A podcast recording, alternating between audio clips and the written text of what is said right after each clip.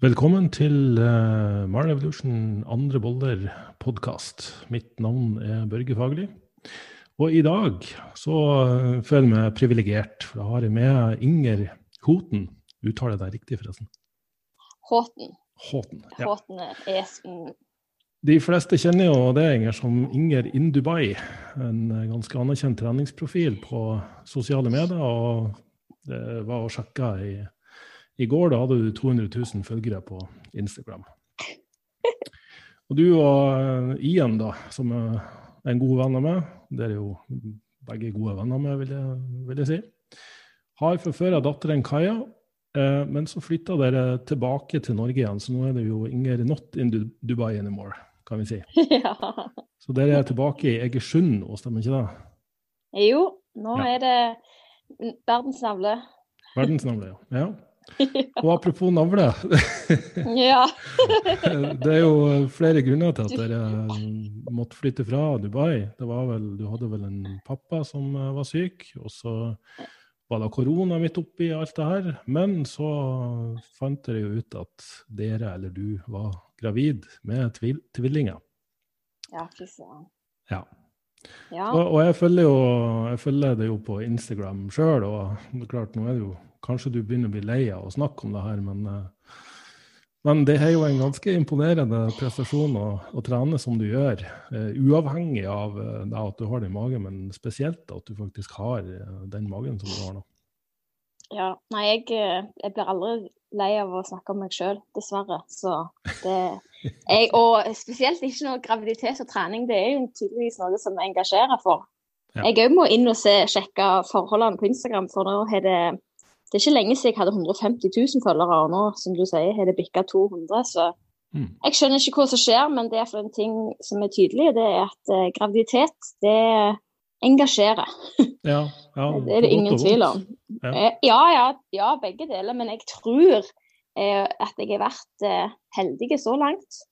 Og mm. vil vel òg si det at jeg ser jo trenden, hvis jeg sammenligner med sist graviditet, som er da fem år siden, så er det jo mye mer eh, akseptert nå. Eh, ja. Kanskje mindre, mindre, sjokkerende at jeg tre, eh, trener i graviditeten enn det det var eh, da. Da ble jo liksom en video der jeg gjorde pullups, den gikk viral i, i USA en eller annen treningsprofil som posta den. Og da Det hadde jo ikke skjedd i dag, liksom. Så jeg liker jo det, at det blir mer vanlig og mer akseptert å trene som gravid. Men det er vel kanskje det som at jeg har tvillinger denne gangen, som har gjort at likevel er det folk som har på en måte hevet øyenbrynene og syns det har vært litt rart at jeg trener såpass ja, utad kanskje da tungt. Mm. Eh, men, men for, det, for, det, er det vel kanskje ikke like tungt? Det er vel det som er Nei, det er jo det som jeg, jeg, jeg prøver å gjøre eh, Forklare eller poengtere at alt er jo relativt. Uansett mm. om du er gravid eller om du er en helt vanlig ikke-gravid person, så er det jo liksom ikke bra å bare kopiere blindt av det du ser noen gjøre på Instagram. Mm. Eh, samtidig så, så, så, er jo poenget mitt med å vise fram at jeg trener som jeg gjør, og vise at du faktisk du ikke må legge alle vekter på hylla og, og, bare kjøre bodyweight-trening, eller bare ligge på sofaen for den saks skyld. Mm. Så det er liksom Men jeg skjønner jo at mange kanskje da ser det jeg gjør og tenker herregud, er det sånn det skal være? Eh, og det trenger det ikke være. Men jeg, denne graviditeten, hvis jeg sammenligner med sist, så har jeg jo trent veldig mye mer variert og veldig mye mindre hardt. Mm. Eh, men det er helt enkelt fordi kroppen min har sagt ifra at nå er det en helt annen greie på gang her. Jeg har ikke hatt ork til å presse meg like hardt som sist, og heller ikke hatt behov for det kanskje å liksom Sist gang så hadde jeg jo en, et mål om å ta pullups helt til slutten, og det kjenner jeg vel nå at det er ikke noe Det, det gir meg ingenting. Ja. Eh, og, og, liksom presse meg på, på sånne ting. Så kilo å, å dra på? ja, det, ja, det er sikkert. Nå er jeg snart 20 kilo tyngre enn det jeg vanligvis pleier å være. Men det òg vil jeg jo poengtere, da, for jeg fikk høre her på gymmen liksom at du er sterk som klarer å lufte så mye. Jeg bare ja, men du blir jo tyngre, du får mer masse å løfte med. Så det er mm. liksom Løfting går greit, eh, men tar du med meg ut på gåtur, så, så går jo fireåringen ifra meg. Ja, og vel så det. Så, Det er litt som den gamle historien om Samson og oksen. som eh, Han, han eh, begynner å løfte på den eh, oksen fra den er kalv. Og så Ja. løfter Ja. på den hver dag helt til den blir en stor okse, og da er han liksom verdens sterkeste mann. Men du, ja, ja. Det Litt er progressive overload. Ja. progressive overload, ja. Nettopp. Ja, virkelig. Så, men, men altså Nei, det, det Jeg er glad at jeg klarer å trene såpass OK og likt som jeg gjør, men jeg kjenner òg at det er en stor forskjell denne graviditeten versus sist. Iallfall nå på en måte mot slutten, når jeg plutselig ble veldig ekstra gravid eh, og Ja. begynte å få vondt, liksom. Nå kjenner jeg at jeg har mer vondt enn jeg ikke har vondt. Mm. Eh, men da er jo greia at jeg har vondt når jeg hviler, og jeg har vondt når jeg ikke hviler, og jeg har vondt når jeg trener, og jeg har vondt når jeg ikke trener. Så da Mm. kan jeg, da kan jeg bare gjøre det sånn som jeg eh, prøver, så, det som passer, og så tar vi det derfor. Nå er det en måned igjen, så skal vel holde ut. Ja, for det er jo den klassiske at det sitter mange folk der ute og mener at de kjenner din kropp bedre enn det du gjør sjøl, da. Ja, så det, skal de liksom sitte der og bestemme og styre hva du gjør. Men, men det er vel kanskje òg en sånn slags formening eller frykt om at du ikke er eh, fornuftig nok, eller klarer å ta en godt nok vare på deg sjøl. Jeg tenker kanskje vi kunne, vi kunne um, snakke litt mer om, fordi du er jo en treningsprofil. Men, men hvordan har det vært? For du, du har jo også konkurrert, har du ikke det? Du har vært med i konkurranse. Å, det, ja, det er lenge siden jeg la de der tingene på hylla. Det var jo det var når vi bodde i Dubai, og før på en måte, eller kanskje idet CrossFit holdt på å eksplodere i Dubai, da var både meg og Ian eh, liksom blant de beste der. Men det forteller jo veldig mye mer om nivået i Dubai enn det gjør om meg og Ian. For Ja. vi, vi er liksom OK form, men, men liksom det, det er ingenting. Vi var heldige som fikk lov å konkurrere før på en måte Jamie Green og store profiler flytta til Dubai, for da var det ikke da var ikke vi med, med mer, for å si det sånn. Men det var jo en, en periode der det var eh, et mindre community med crossfit, men det var fortsatt sykt populært. Og spesielt en av prinsene som, som tok, eh, liksom ble, falt helt fra crossfit og arrangerte mange konkurranser, og inviterte jo da mange av de store eh, crossfit-stjernene. Så jeg har jo på en måte konkurrert med siden av Annie Thorisdotter og bare eh, Det er jo helt sånn surrealistisk hvis du tenker mitt nivå versus hennes. Men, Ja. men vi på en måte ble invitert. stjerne. Ja, ja, hun, ja, og bare så jeg må få lov å si det, men jeg har altså slått henne i en økt. Så Uh, det er liksom Det, det er det faktisk ikke så mange som kan si. Og det er ganske kult. Men jeg gjorde det da. Det inkludert litt løping og, og sånn. Nei, så jeg har konkurrert, men det var før jeg ble gravid første gang.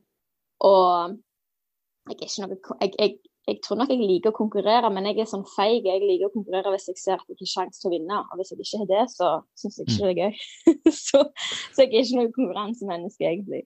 Ja, og da var egentlig mitt neste spørsmål, da, for hva er det egentlig som, som driver det? Altså for nå, det, her er jo, du, Kroppen din har jo forandra seg greit etter ett svangerskap, og nå er det jo enda mer som, som pågår. Men du, det må jo være et mindset som, som gjør at du holder på sånn som du gjør, da.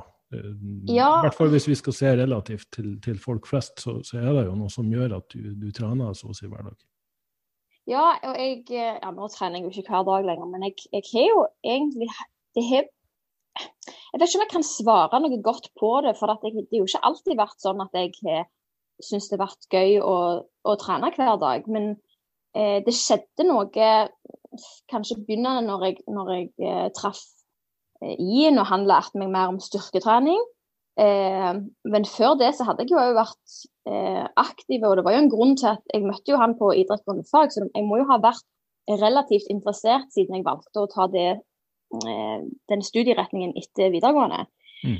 Men, men eh, jeg, det var lenge sånn at jeg trente fordi det var noe jeg burde gjøre. Mens nå kan jeg på hånd, med hånda på hjertet si at det er noe jeg gjør fordi jeg har veldig lyst. Mm. Og det er sånn at jeg tenker mange ganger som ja, hvorfor, som du sier, hva jeg driver. For jeg, jeg vet ikke. Det bare føles helt naturlig for meg at hvis jeg kan trene og har energi og har tid, så gjør jeg det. Da er ikke Mm. noe sånn jeg tenker liksom så mye mer over. Eh, det går liksom litt sånn på autopilot, og det er jo selvfølgelig for at jeg har lagd en vane med at trening er en del av hverdagen min. Men jeg merker jo det at hvis jeg ikke får trent på en stund, så blir jeg jo sur og gretten og eh, Ja, jeg vet ikke. Jeg tror bare, jeg tenker mange ganger jeg bare hjernevasker meg sjøl. Så syns jeg det er så sykt gøy å liksom kjenne at det svir i lårene og lungene holder på å hoppe ut av kroppen, liksom. Det er jo ikke alltid det er så veldig deilig sånn mens det står på. Men det er vel kanskje den der følelsen etterpå av både det at du faktisk vet at du har gjort noe sykt bra for din egen kropp, men òg på en måte bare den hele tida liksom Hva heter det sånn belønningsgreia, at du på en måte vet at OK, klapp deg selv på skulderen, du har gjort noe bra. Eh, og, og, eh, mestringsfølelse, eller hva man skal si. At du kom deg på trening i dag òg. Så ja, jeg, jeg kan ikke si ja, Det er vel ja, bare det, det, det, det er vel som du sier, at det, i starten vil det kanskje være litt Sånn at man må motivere seg og kanskje se på noen YouTube-video og høre på noen kul musikk. eller noe sånt. Men når du først begynner å innarbeide, så blir det og, og, akkurat det der du sa med at det er ikke noe du egentlig trenger å tenke så mye på. Og akkurat der jeg tror jeg vi har en liten sånn nøkkel til, til den. Ja, ja og der, der, er jo en For det merket jeg en stor forskjell på for, eh, etter jeg fikk barn. For da, da var det jo sånn hvis du fikk sjanse til å trene da, så kunne ikke du sitte og kjenne etter om du var motivert eller ikke. Da trener du den, den halvtimen eller timen du får, og så ferdig med det. Mens før, så nå kan jeg jo tenke liksom, hvor i all verden brukte jeg som unnskyldning til å ikke trene før? Når jeg på en måte hadde all verdens tid og bare meg sjøl til å ta hensyn til. Så det har jo litt med saken å gjøre, tror jeg òg, at når du har mindre mulighet, så tar du de få mulighetene du får. Og det jeg har gjort siden jeg ble mor, er jo at jeg har lagt lista mye lavere for hva jeg anser som en bra nok økt. Men mm. igjen så har jo det med å gjøre at jeg trener ikke for å konkurrere eller for uh, å se ut på en spesiell måte. Jeg trener for den godfølelsen jeg får etterpå, og for å ha sjekke av OK, i dag har jeg trent. Og liksom Da blir det jo mye lettere. Da kan man jo eh, ja, definere flere ting som trening og som godt nok. Og da da blir det liksom en god sirkel, for da holder jeg kontinuiteten oppe. Og det er det jeg tror kanskje er måte nøkkelen til det hele. At du på en måte aldri tar noen sånne store, lengre opphold. Eh, mm. Iallfall for meg, for jeg vet at hvis jeg skulle plutselig stoppe trent, så vet jeg jo ikke om jeg hadde begynt igjen. Mm. Ja, eh, jeg, hadde, jeg, hadde, lenge en sånn regel om at så, så lenge jeg ikke var dødssyk, så var det maks tre dager uten trening. Nå når jeg går gravid, så har det faktisk blitt eh, et par sånn fire dagers mellomrom. Men mm. det, det, tok langt ut i graviditeten før det òg skjedde. Så jeg bare så, ja, så det er ikke alltid jeg trener fordi jeg har så veldig lyst, eller sånt, mens jeg vet at det er en viktig ting for meg. Og da på en måte Ja, da bare gjør jeg det. Mm. Ja, og da skal jo sies at det er jo en del øvelser jeg ser på. Du er jo faktisk sterkere enn jeg er, og jeg veier jo sikkert Ja, ja, nå veier vi kanskje like mye, jeg vet ikke. Men, men, men Inger, har du, har du, liksom fulgt programmet opp igjennom, eller har du vært intuitivt styrt, eller hvordan har du forholdt deg til Nei. Det er masse liksom, diskutering om treningsvolum og frekvens og blad i blad. Ja. Ja. ja, og det, det, det, er derfor jeg syns det er sykt at en sånn fyr som deg som bør kalle meg for en treningsprofil. For det at eh, OK, jeg er kanskje en jeg er en treningsprofil, men jeg, eller jeg, jeg ser meg selv bare som en person som liker å trene. Mm. Eh, og egentlig ikke sånn eh, Jeg har jo tatt PT-utdannelse og alt det der, men, men jeg, eh, jeg er kanskje ikke så smart i min trening. Og dette er jo noe jeg har snakket med Ian om mange ganger, for han er jo veldig flink med trening. og kunne sikkert gjort meg både sterkere og mer fit og alt det der. Men jeg har ikke fulgt noe strengt treningsprogram egentlig. Kanskje et par ganger hvis vi har lansert sånne treningsprogram som vi selger utad. Så jeg har testa det i en periode og sett at det er gøy, men jeg liker ikke å være bonden av å ja, måtte følge et program. Jeg liker å kjøre knebøy de dagene det frister med knebøy, og ikke bli tvungen til å gjøre knebøy de dagene jeg ikke har lyst, fordi at jeg elsker å gjøre knebøy. Så mm. da vil ikke jeg liksom ødelegge det med at eh, eh, ja, at jeg bare må gjøre det når jeg egentlig ikke er motivert til det.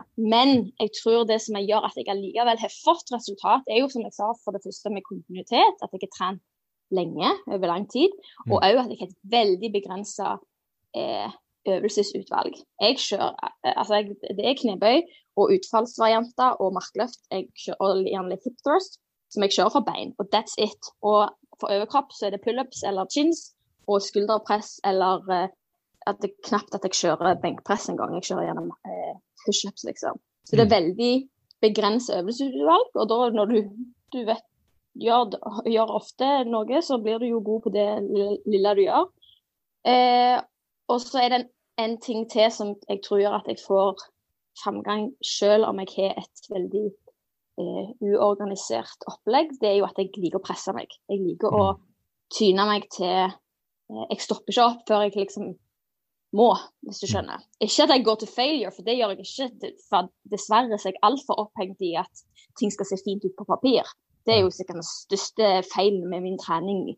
At jeg, jeg, jeg kjører 20 rappere på alt, da, hvis jeg velger å kjøre 20 rappere på første øvelse for at det skal se fint ut. Altså, det er jo helt sjukt. Men, ja, okay. men, liksom, sånn, men, det gjør, men, men, det gjør, jo òg at jeg liksom. iblant ja, men at jeg òg på en måte av og til presser meg til 20 reps på en øvelse der jeg vanligvis gjerne ville gitt meg etter 16. Skjønner mm, du? Altså at jeg, og da blir det jo på en måte en, Da får du jo en fremgang, selv om det gjerne ikke er sånn som du ville gjort med dine kunder, eller sånn som jeg ville gjort med mine kunder.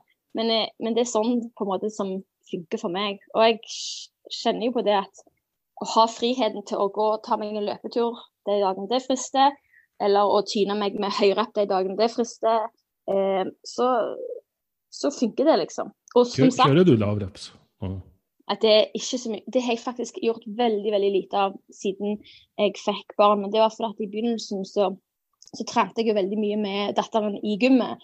Og da, tar, da våget jeg ikke å gå så lavt på rep, for jeg måtte jo vise, vite at jeg klarer å reise meg etter en knebøy. Mm. Og trente alene med henne der, og, eller jeg måtte kunne ha kontroll, sånn at hvis jeg sto og holdt på med eh, en øvelse, og hun plutselig kom bort til meg, så mm. måtte jeg ha 100% kontroll. Og jeg er ganske eh, Jeg er ikke så flink på det, på det lave rep. Jeg har ikke så mye guts, men jeg er veldig seig.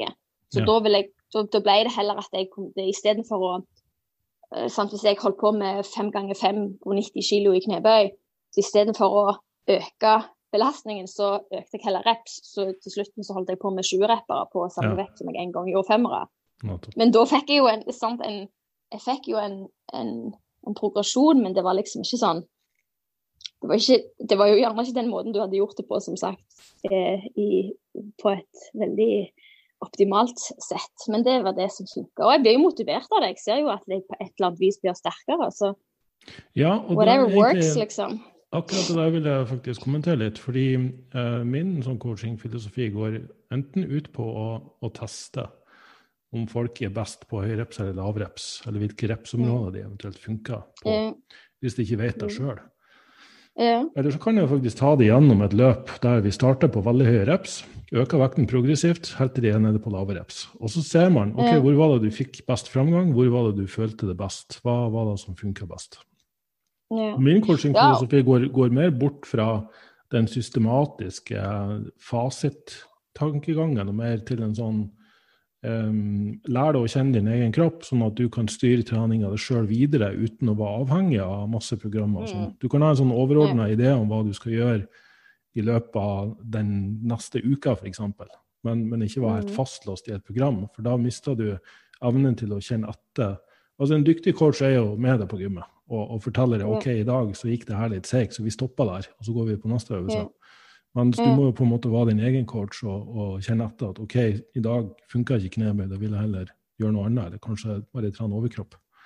Så, yeah. så, så, jeg vil nesten si at din metode sannsynligvis funka bedre enn min og Ian sin, hvis vi skulle bare ja. skrevet et program til deg.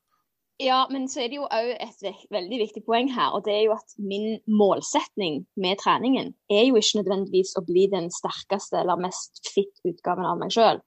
Jeg vil mm. jo selvfølgelig se resultater, men ikke til enhver pris. Mm. Så som jeg sier, så vil jeg på en måte ha friheten til å velge det som frister den dagen det frister, mens jeg vil liksom ikke eh, Jeg vil jo ikke at jeg ikke skal få, få noen ting framgang, men, men når, min, når, målet med å trene er å ha trent, ikke nødvendigvis å bli sterkest, så har det jo selvfølgelig mye mer fleksibilitet. Mm. Eh, så, da, så, det er jo en veldig For jeg tenker jo òg, hvis jeg plutselig hadde sagt OK, men nå er det viktig for meg å klare ti ganger ti på 100 kg i knebøy, så måtte jo jeg lagt inn et støt for det, og gjerne trent litt mer systematisk. Eller jeg, sant? Hvis jeg mm. i hvert fall hadde da tidsbegrensa ja, mål, mål, der, da. Men når jeg ikke har det, så, så, da kan jeg jo på en måte holde på sånn som jeg gjør, og så føler jeg det funker, og da er det jo ingenting som er bedre. For det, det er jo er mange jo, som tror ja, Det er jo mange som, som, uh, som, er veldig på det der med mål og målsetning. Men jeg går jo ja. ofte motsatt vei og prøver å få folk til å bli opptatt av prosessen. Altså, mm. Hvis du liker å trene, så, så, er det ja. større sannsynlighet for at du vil få framgang enn om ja, jeg må klare 100 kg i knebøy innen det er gått seks måneder. Og så, og så, sliter du ut på veien, og så kommer du dit, og så klarer du ikke 100 kg. Og så er det liksom bare sånn tomme mål. da. Ja, og det er, det, som jeg, altså, det er selvfølgelig bra å ha mål, og det er jo mange som på en måte motiveres av det. Men jeg tenker, du, du, sånn, du, du kan jo trene uten å ha mål. Du kan mm. trene uten mål og mening. Du kan trene for å ha trent. Det er helt lov. for at det, Uansett hva du gjør av det som ikke er å sitte på sofaen, så er det jo bra for deg.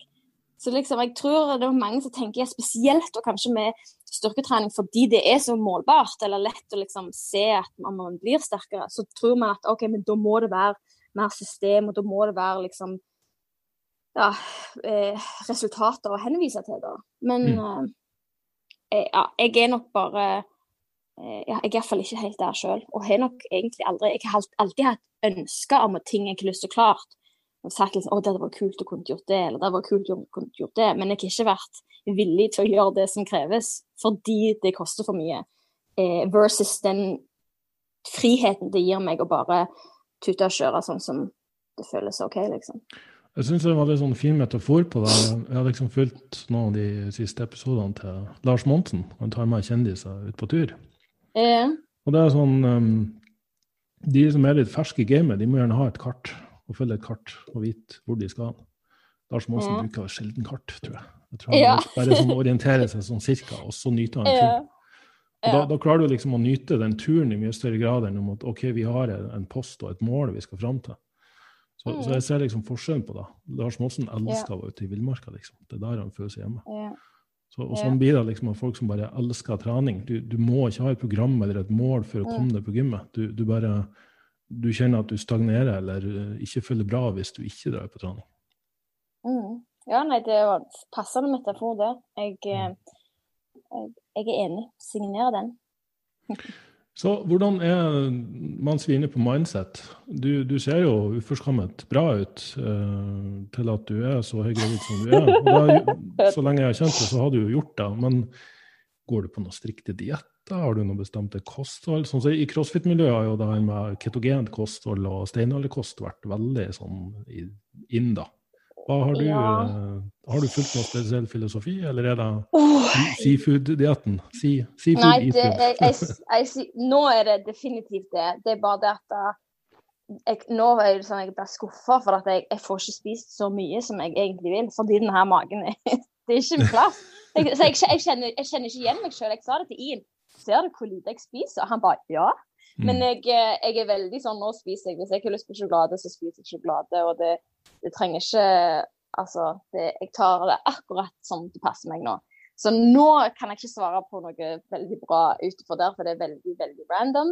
Mm. Men eh, hvis jeg tenker sånn som i min eh, hva skal jeg si, reise med kosthold har vært, så, så er det jo på en måte Jeg begynte med en veldig avslappa forhold til, til, mat og alt sånt, vil jeg si. Og det er jeg veldig takknemlig for. Iallfall når jeg ser på unge jenter i dag, og hvor mye press det sikkert må være. Så hadde jeg en jentegjeng der det var om å gjøre å spise mest, og vi hadde så mye snop og godis på helgene når vi møttes at det, ja, det, det var en eh, sånn per definisjon kanskje ikke sunn eh, måte å spise på, men for meg jeg syns det var veldig sunt at vi kunne bare gjøre det og gi faen.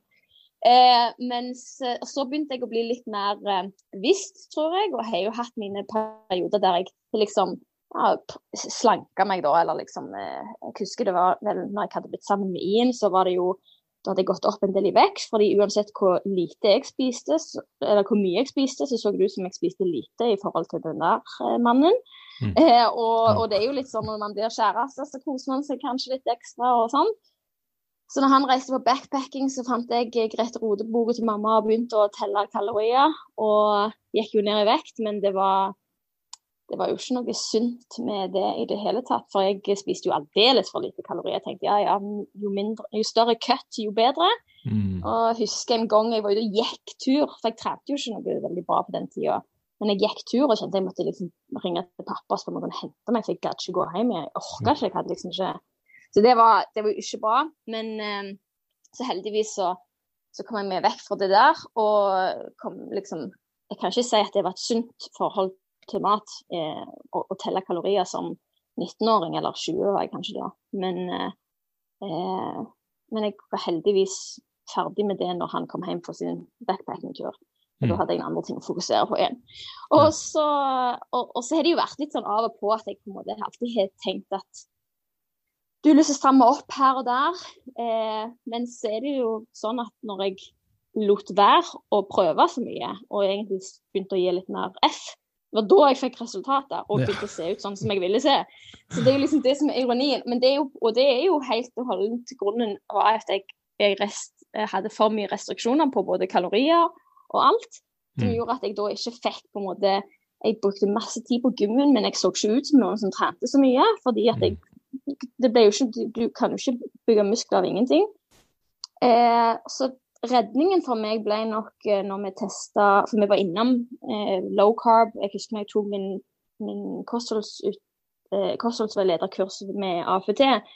Da var det veldig i Det, det var da low carb liksom ble sånn opp og fram. Ja. Så da ble vi, ble vi eh, anbefalt å teste det, og vi testa det. Og vi trivdes jo veldig godt med det, både meg og Ian, så vi gjorde det lenge. Men på en måte så, dro, så glei det litt ut i seg, og så til slutt så ble det som at man spiser kjempemasse fett, men òg egentlig ikke så veldig lite karbohydrater som man kanskje skal gjøre da for å føle seg ja, eller for at det skal være ketogent, liksom. Carb creep, som så, det kalles. ja, så, ja, så det var ikke Det var liksom Det ble ikke så veldig bra eh, resultatet av det var jo helt OK, men det var liksom ikke en kanskje sånn jeg ville anbefalt noen å spise. Eh, og så når jeg da fant, fikk høre om periodisk faste, så så jeg at det var jo 100% en løsning for meg. Eh, aldri vært en sånn der frokostperson, eh, men veldig sånn hva skal man si, småsnacksen og går og småspiser og sånt. Mm. Eh, og, men samtidig òg liker å spise mye når jeg vel spiser. Så derfor så, så testa jeg det, og i starten så var jeg litt sånn anal på det, med at jeg, hadde jo lest at det skulle være 16 timer faste og 8 timer spising og sånn.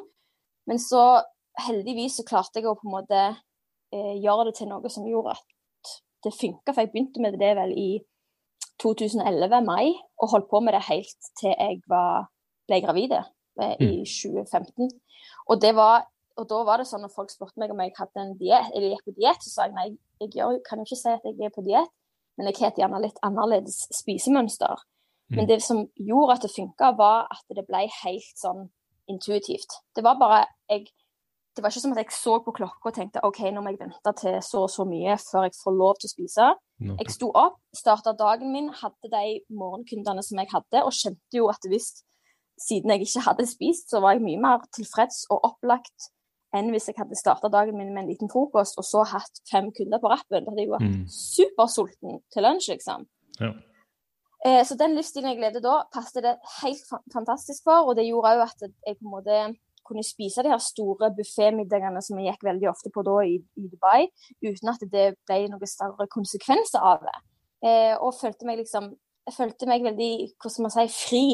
Jeg tenkte ikke på mat. Det var liksom bare det var jo bare noe du altså, det, det, var så avslappende og godt, og som jeg sa, jeg følte at jeg bare ga F, men allikevel fikk de resultatene som jeg ja, syns jeg fortjente, med tanke på uh, hva jeg gjorde i gymmen. Og det var jo heller ikke sånn at jeg, jeg spiste jo ikke jeg spiste jo ikke alltid supersunt, men jeg spiste inn forbi dette her Oi! Men jeg, men jeg spiste eh, eh, Jeg spiste det som frista, og det som var servert den dagen. Og så, ja, som jeg sa, det var bare mer eh, naturlig for meg. Men så var det når jeg ble da eh, gravid, eh, så var jeg jo kvalmen før jeg spiser, mens jeg spiste og etter jeg spiste. Så da tenkte jeg at det kanskje er bedre å spise litt oftere.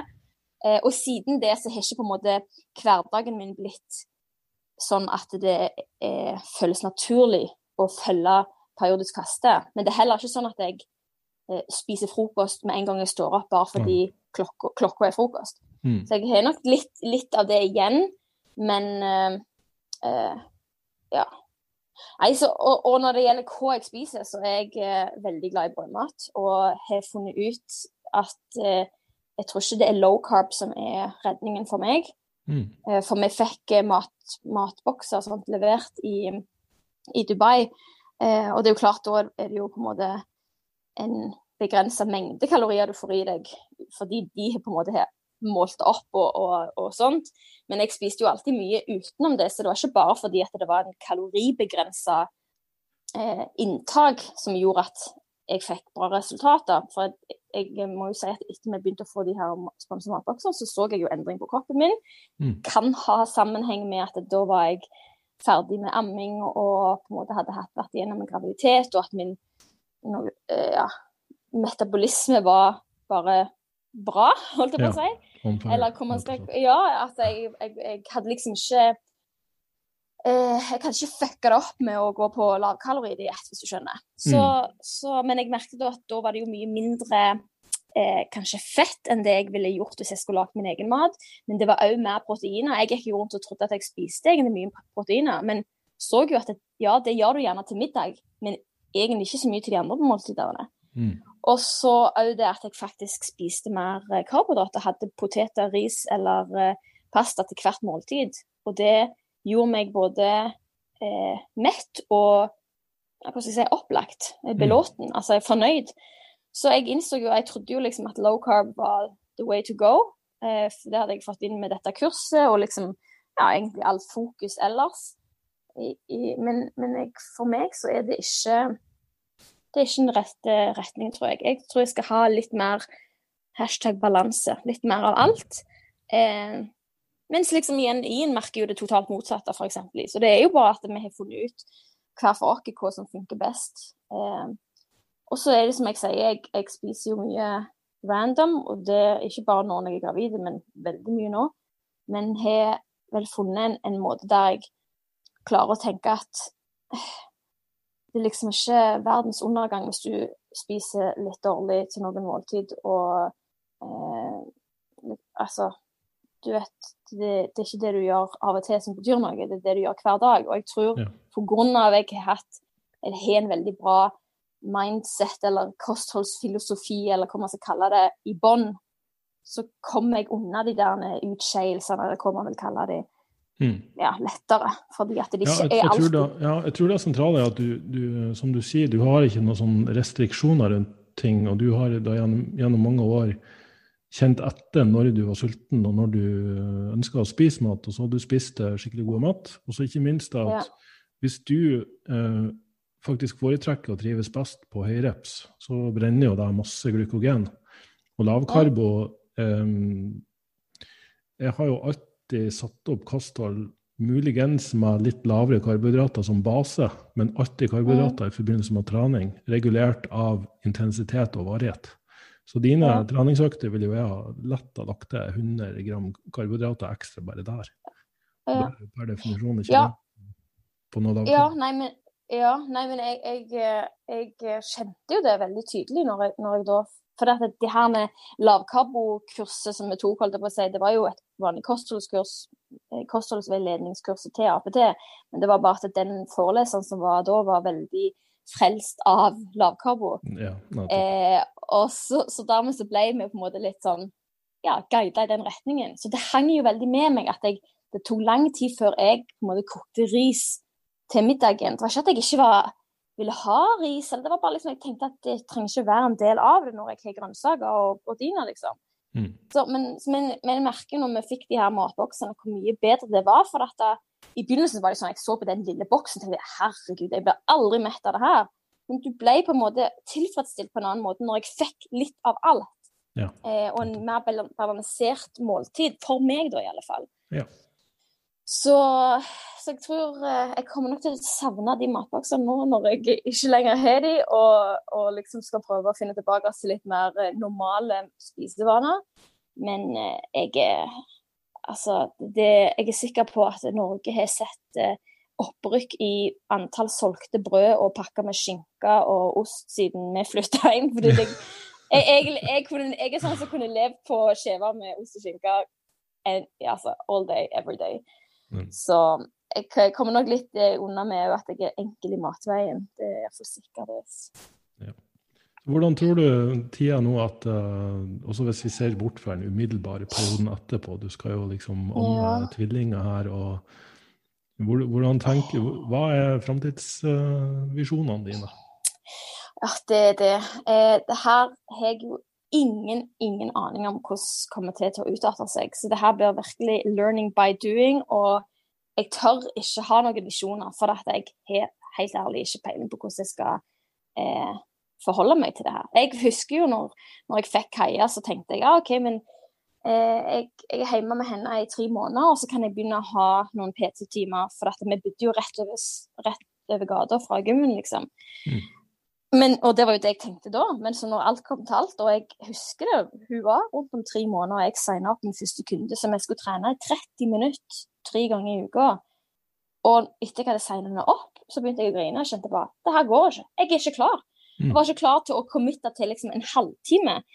Eh, og jeg kunne bare Ian kunne sittet med Kaja på fanget mens jeg var inne og hadde hun i gymmen. Liksom. Det var ikke noe Det var jo egentlig Det funka helt fint, men jeg, jeg takla det ikke. Så det, nå vet jeg iallfall ikke hva jeg, skal, hva jeg skal forvente når jeg har dobbelt opp og, og alt det der. Men jeg, håper jo at jeg skal få lov til å kunne ha en så fast fri arbeidstilstand, eller hva man skal kalle det, som jeg har nå, som gjør at jeg ikke må jobbe veldig faste og veldig sånn strenge tider, men at jeg får jobbe, får jobbe mye online og, og får jo litt mer eh, si, sosiale medieoppdrag og sånne type ting, som viser seg å være lønnsomt. Mm. Eh, uten at jeg har lyst til å selge sjela mi til å selge reklame på Instagram, altså.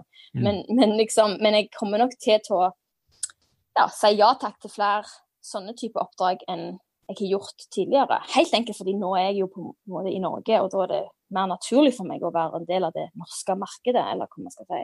Ja, absolutt. Eh, og så skjønner jeg jo at jeg er nødt til å få meg et alvorlig hjemmegym. For hvis jeg skal få trent med to små, så, må det, så, så, så kanskje jeg dra de med meg på gymmen eh, og, og sånn. Men heldigvis har vi ganske Vi har jo et eh, Leico-sett som vi tok med oss fra Dubai, og bare får meg ei tredemølle eller noe sånt, så, så, skal jeg ligge godt an der. Eh, om det da blir sånn at jeg må ta og spre en treningsøkt utover en hel dag der jeg kjører knebøyene før frokost og Eh, ja, pullupsene etter, etter amming, så får det heller bare være. Som jeg sier, det er jo bare for å ha sjekka av at jeg har trent, at jeg vil trene.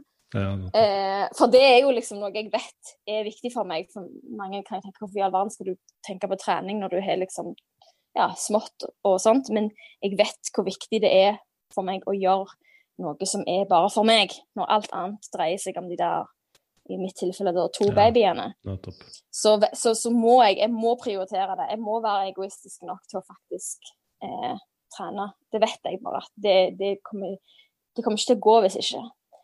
Jeg tror det er noen eh, som tenker ok, da høres jo det sånn tvangstankeprega ut, men, men jeg ser distinksjoner. At du er mer sånn ja, men det her er viktig for å ta vare på meg sjøl. Det, det virker som det gjennomsyrer både mentaliteten du har til trening, mentaliteten du har til kosthold. Det handler om å bare spise da du føler at kroppen din har det bra av.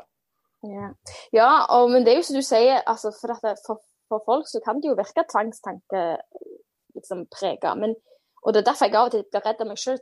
Om du bare har liksom, hjernevaska deg sjøl til å tro at det er sånn det skal være. Men jeg, jeg kan helt ærlig si at jeg, jeg syns ikke jeg har et usunt forhold til verken trening eller mat. Og nå siden jeg fikk, eh, spesielt siden holdt på å si, datteren min er jente, så, så, tenker jeg sånn Ville jeg at hun skulle kopiert den livsstilen jeg har, den, eh, det forholdet jeg har til trening og mat, hadde det vært greit for meg hvis hun kopierte det? Sånn som jeg tenker for mat og forholder meg til trening og alt det der. Og så, så, så, sant jeg kan svare ja på det, at jeg er OK med at hun hadde gjort det samme som jeg gjør, da er det greit. Da liksom, mm. jeg ville jo ikke Jeg kunne jo sagt til deg, så du sagt til deg her nå, at jeg kan spise sjokolade uten å få dårlig samvittighet, og så hadde jeg egentlig sykt dårlig samvittighet. Men liksom, hvis, hvis det var tilfellet, så ville jeg jo ikke hatt det sånn, for det ville jeg jo ikke ønske for min datter. Nei. Men hvis jeg kan ha, ha en, et forhold til greiene sånn, som gjør at det, det, er godt nok for henne, da tenker jeg da kan det jo ikke være noe gale med det. For det er jo ingenting jeg, ingen jeg ønsker mer bra for enn henne, liksom. Så det er på en måte en checken min. altså på en måte at hvis det, hvis det Hvis jeg kunne kopiert over til henne, eller ja, hun hadde tatt den livsstilen min og, og, levd sånn, og det er godt nok for henne, så da kan det jo ikke være noe gale med det, liksom. Merker du at det har forandra seg veldig fra før etter du ble mamma, at mindsetet ditt også ble mer For Jeg merka i hvert fall når, at, når, vi, når vi fikk Isak, at um, veldig mange av de tingene jeg anså for være viktig, til slutt var viktig. Og det var liksom andre ting som ble viktigere. Så jeg fikk liksom snudd, snudd opp ned den her prioritetspyramiden min. Ja, absolutt. Og jeg har merka det nesten kun for det bedre, da. Ja, ja 100% Og det, det som er det liksom du, du, skjønner at eh, det finnes viktigere ting i livet enn eh, sixpack og lav fettprosent, liksom. Og det er det mm. jeg gjerne iallfall ekstra kjenner på nå. fordi jeg må jo innrømme at jeg har jo tenkt OK, hva kommer til å skje med kroppen min etter jeg har hatt en tvillinggraviditet? For det er jo, det er jo å forvente at det skal sette sine spor. Mm. Eh, men samtidig så tenker jeg at da har jeg jo to små til som på en måte minner meg på hva som faktisk betyr noe her i livet. Mm. Eh, det betyr ikke at jeg gir gir F i hvordan jeg kommer til å se ut etterpå. For det kan jeg dessverre ikke si. at Jeg, jeg er ikke så tøff at jeg gjør det. Men eh, jeg, jeg, var med i podkasten til Pia Seberg og sa noe om det samme. At jeg, at jeg var ærlig på det. At jeg tenker selvfølgelig på at kroppen min kommer til å ta preg av det her, og at det gjerne ikke er det jeg gleder meg mest til. Men jeg mm. må jo få, få lov å være så ærlig. Men da leste jeg i et visst forum at de var skuffa av meg, for de trodde ikke jeg var sånn. Men da tenker jeg, hvem er det som ikke er sånn? Hvem er det, hva er det med hånda på hjertet? Mm. Selvfølgelig så handler det jo selvfølgelig om hva, hva opptar deg mest. Blir det til at jeg går og griner hver dag eh, etter graviditeten er ferdig fordi at kroppen min ikke er som den var? Selvfølgelig ikke. Men jeg hadde jo løyet om jeg sa at jeg ikke hadde brydd meg om hvis på en måte kroppen min aldri henta seg inn igjen. Mm. Så, og, og, og, da lurer jeg på hvem hva slags folk er det som virkelig ikke bryr seg i det hele tatt med hånda på hjertet kan si at de gir en lang F i hvordan de ser ut. For det tror jeg ikke det kan være mange igjen i verden i dag som ikke, ikke bryr seg. Tror det altså, men det er jo som jeg pleier å si, at det er jo forskjell på å tenke deg og agere på det. Ja, ja. Og, og, det er jo det jeg mener. Jeg kommer ikke til å gå Du går jo ikke rett på diett liksom, når du nei, nei. får tvillinger, liksom. Nei, og jeg kommer ikke til å, å liksom eh, det er jo ikke, selvfølgelig ikke det som kommer til å oppta tankene mine, men jeg tror allikevel det hadde vært feil å sagt at jeg bare kommer til å ignorere det.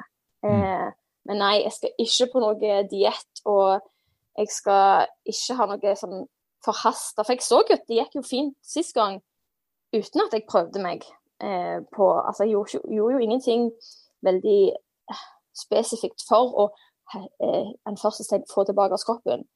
Eh, men allikevel så, så, ble jeg jo i, i god form, liksom. Mm. Men eh, eh, ja. Nei, det som sagt, det blir learning by doing, og en dag om, en dag om gangen så får vi se hva, det, hva som skjer, rett og slett. Jeg, tror det er den beste. Det, det er min filosofi også. Det er så, det er så, det er så mange forventninger, og, og da å prøve å sitte og, og spå framtida når det er gått Før jul skal jeg ha det, og før neste sommer skal jeg ha det. Og så skal, skal, det se nøyaktig sånn ut i løpet av det her tidsperspektivet. Ja. Og så blir det veldig sjelden sånn. Det kan bli bedre, det kan bli verre, det kan bli egentlig alt mellom himmel og jord.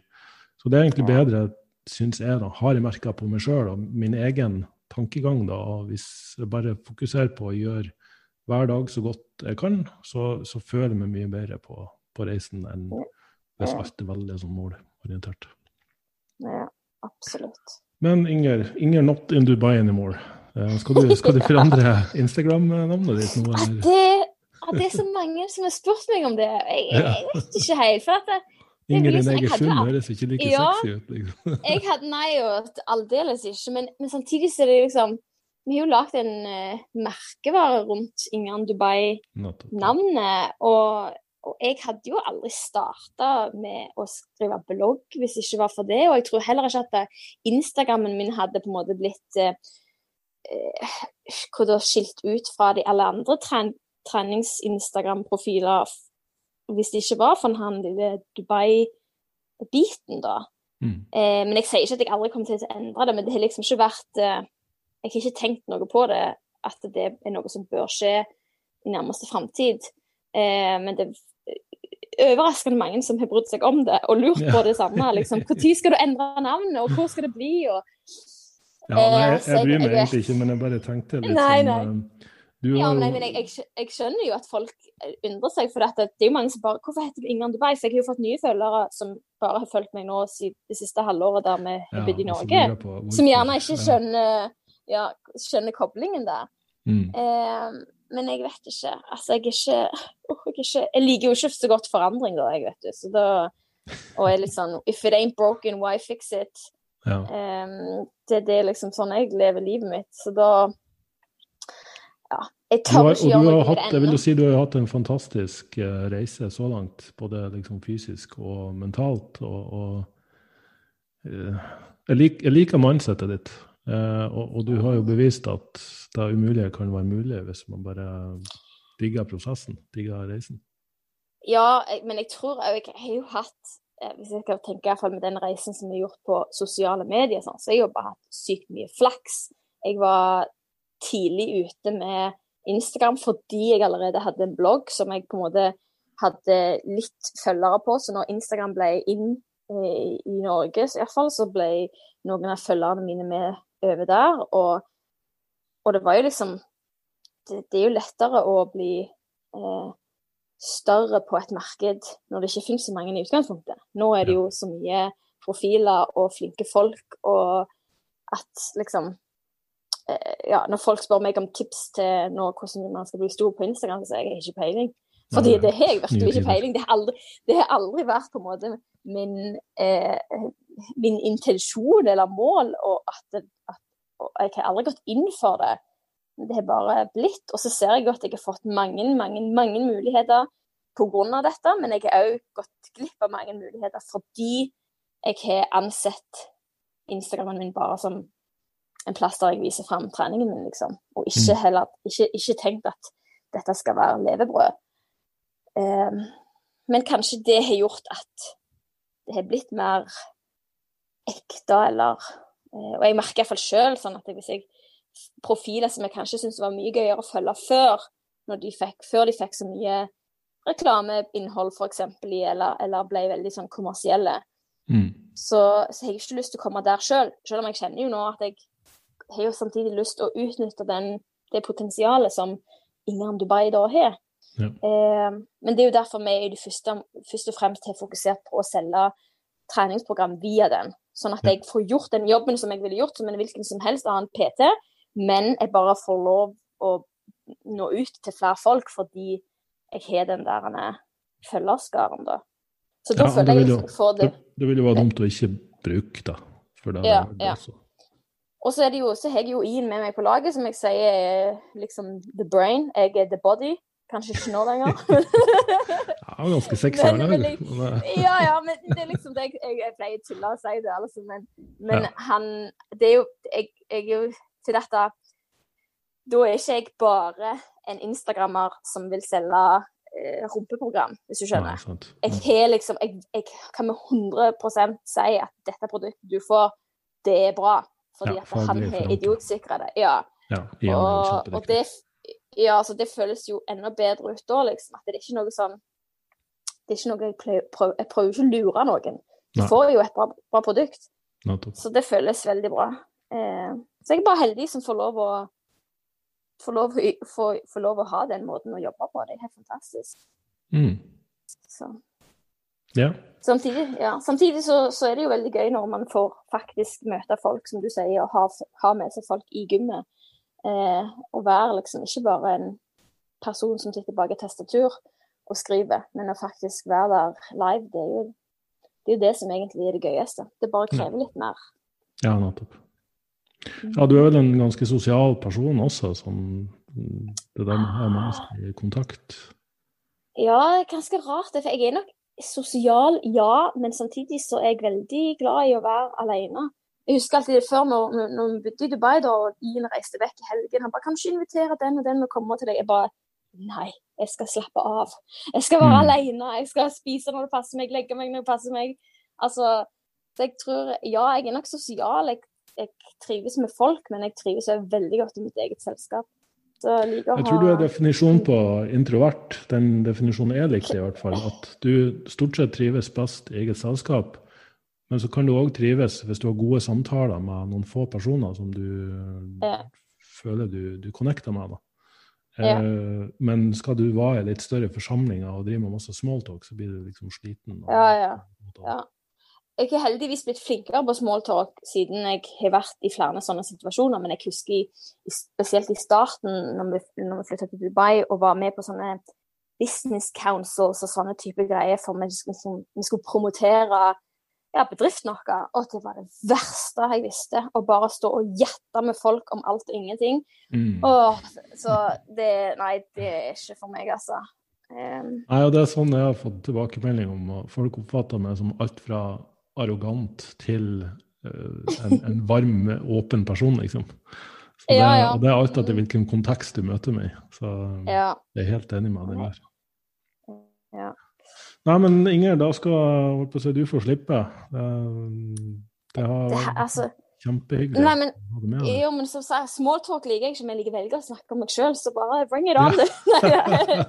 Nei, men, det, men det er liksom det er ganske rart hvordan det er dette her eh, Ian spurte meg ja, hvordan skal du For han har jo vært inne og sett i, i Jeg måtte skryte litt. Jeg skal altså ha podkast med Børge i morgen. Han bare ja, jeg så det i kalenderen din. Hva dere skal snakke om? Så sier jeg nei, jeg tror vi skal snakke om det vanlige. Trening og, og graviditet, liksom. Og sånt. Mm. Men eh, jeg syns jo det er kjempekjekt. Jeg er jo eh, biased så til, til de grader, men eh, har jo, som jeg sa innledningsvis, fått sett at eh, det engasjerer. Ja. Så Kanskje ja. vi skal prøve å få til en eh, etter at du har håper jeg, fått landa litt, Ja. fått, fått tvillingene ut og komme eh, litt da blir det mye mer det, Ja, det da blir det mye mer ja, blir mye mer bakgrunnsstøy da. Ja, det blir det sikkert. Jeg, har- jeg har hatt Isak med på podkast òg, så det, det Ja, jeg syns jo bare sånt det ja, For meg så har det bare sin sjarm. Jeg syns bare det er hyggelig, men det er ikke gjerne alle som signerer den. Nei. Nei da. Mm.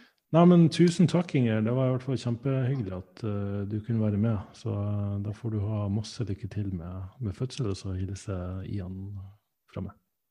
Tusen hjertelig takk for at jeg fikk eh, være med, og takk for praten. Og gi en hilse garantert tilbake. altså. Det gjør vi sikkert. Ha det bra. Ha det.